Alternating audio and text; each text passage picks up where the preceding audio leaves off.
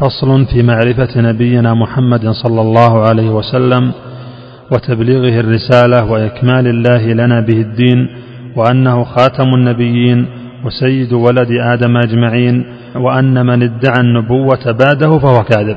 نبينا محمد من هاشم إلى الذبيح دون شك ينتمي. أرسله الله إلينا مرشدا ورحمة للعالمين وهدى. مولده بمكة المطهرة هجرته لطيبة المنورة. بعد أربعين بدأ الوحي به ثم دعا إلى سبيل ربه. عشر سنين أيها الناس اعبدوا ربا تعالى شأنه ووحدوا. وكان قبل ذاك في غار حراء يخلو بذكر ربه عن الورى. حديث الإسراء والمعراج. وبعد خمسين من الأعوام مضت لعمر سيد الأنام. أسر به الله إليه في الظلم وفرض الخمس عليه وحتم. حديث الهجرة. وبعد أعوام ثلاثة مضت من بعد معراج النبي وانقضت.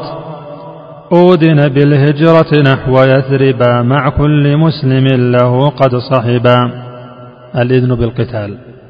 وبعدها كلف بالقتال لشيعة الكفران والضلال. حتى أتوا للدين منقادين ودخلوا في السلم مذعنين وفاته صلى الله عليه وسلم. وبعد أن قد بلغ الرسالة واستنقذ الخلق من الجهالة.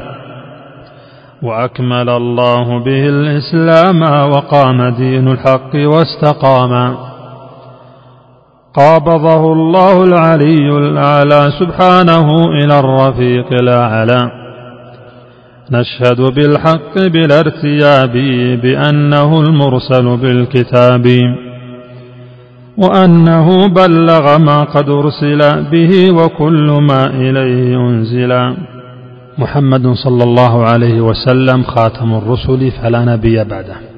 وكل من من بعده قد ادعى نبوة فكاذب فيما ادعى فهو ختام الرسل باتفاق وأفضل الخلق على الإطلاق.